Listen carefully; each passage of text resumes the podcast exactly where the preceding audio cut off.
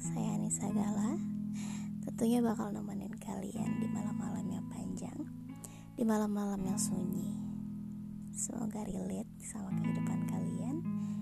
Dan hmm, kalau ada yang mau cerita juga boleh. Kita bisa sambil sharing dan siapa tahu cerita kamu bisa terbit juga nih di podcast ini. Dan langsung aja kita bakal mengudara and enjoy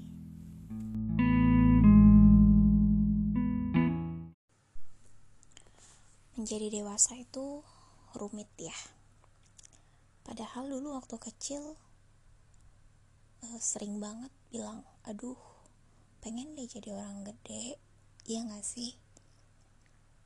Tapi ternyata ketika kita udah gede kita tuh kayak mikirnya gue pengen balik lagi jadi anak kecil yang gak punya beban yang gak mikirin besok harus ketemu siapa harus ngadapin masalah apa lagi. Harus nggak pokoknya nggak harus mikirin besok deh. Intinya main belajar main belajar ngadepin orang tua ngadepin ibu yang suka marah-marah. Kalau kita bandel udah. Sedangkan kita dewasa ini bukan lagi hanya ibu yang kita hadapin tapi usianya orang tua. Dan juga orang-orang baru yang ada di sekeliling kita. Belum lagi bos, belum lagi teman-teman, belum lagi pacar, atau mungkin yang punya suami. Kita belum tahu kan bagaimana rencana kita waktu dewasa semasa kita kecil. Ternyata tidak sebahagia yang kita bayangkan. Kalian ingat gak dulu waktu kecil kalian pernah bilang ke diri kalian sendiri kalau gua mau cepet gede biar bisa cari duit sendiri, biar bisa punya rumah sendiri.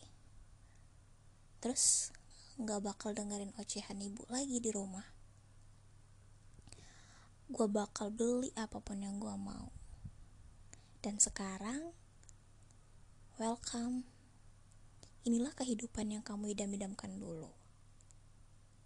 Tapi balik lagi kamu akan rindu dengan ocehan ibumu. Karena dewasa itu sungguh melelahkan kadang pengen tenang tanpa beban tapi nggak bisa. Setiap hari itu selalu aja ada yang namanya hal-hal baru yang mengusik kehidupan kita.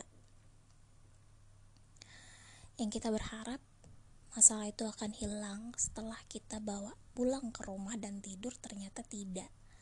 Menjelang jam-jam malam masalah itu datang bukan hanya uh, dari luar ternyata dari dalam juga.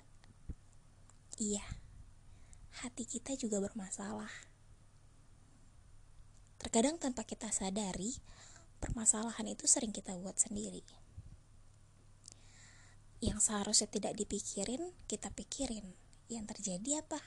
Overthinking. Kadang kita suka ngeluh Tuhan masalah apa lagi ini Tuhan, bisa gak kasih aku ketenangan?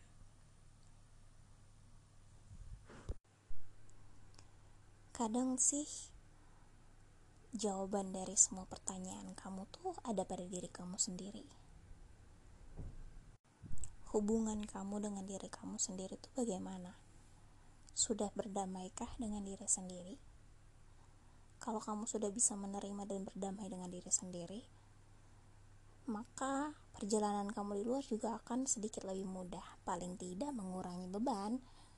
Dan ketika kamu menghadapi orang-orang yang menurut kamu toksik, itu akan biasa aja. Maka dari itu, usahakan sebelum tidur untuk selalu memaafkan orang-orang yang menurut kita ngeselin kita nggak pernah tahu mereka melakukan itu sengaja ataupun tidak Tapi yang jelas, memaafkan mereka adalah hal terbaik agar tidak kebawa sampai ke alam sadar, malah jadi mimpi. Kita kan butuhnya istirahat, bukan butuh mimpi buruk. Jadi, enjoy your day, enjoy your life. Memaafkan itu nggak salah kok. Memaafkan itu nggak rendah kok. Justru, dengan kamu bisa memaafkan orang lain, kamu satu tingkat lebih tinggi derajatnya daripada orang tersebut. Selamat tidur, selamat istirahat. See you soon. Jangan lupa berdoa. Dan bye-bye.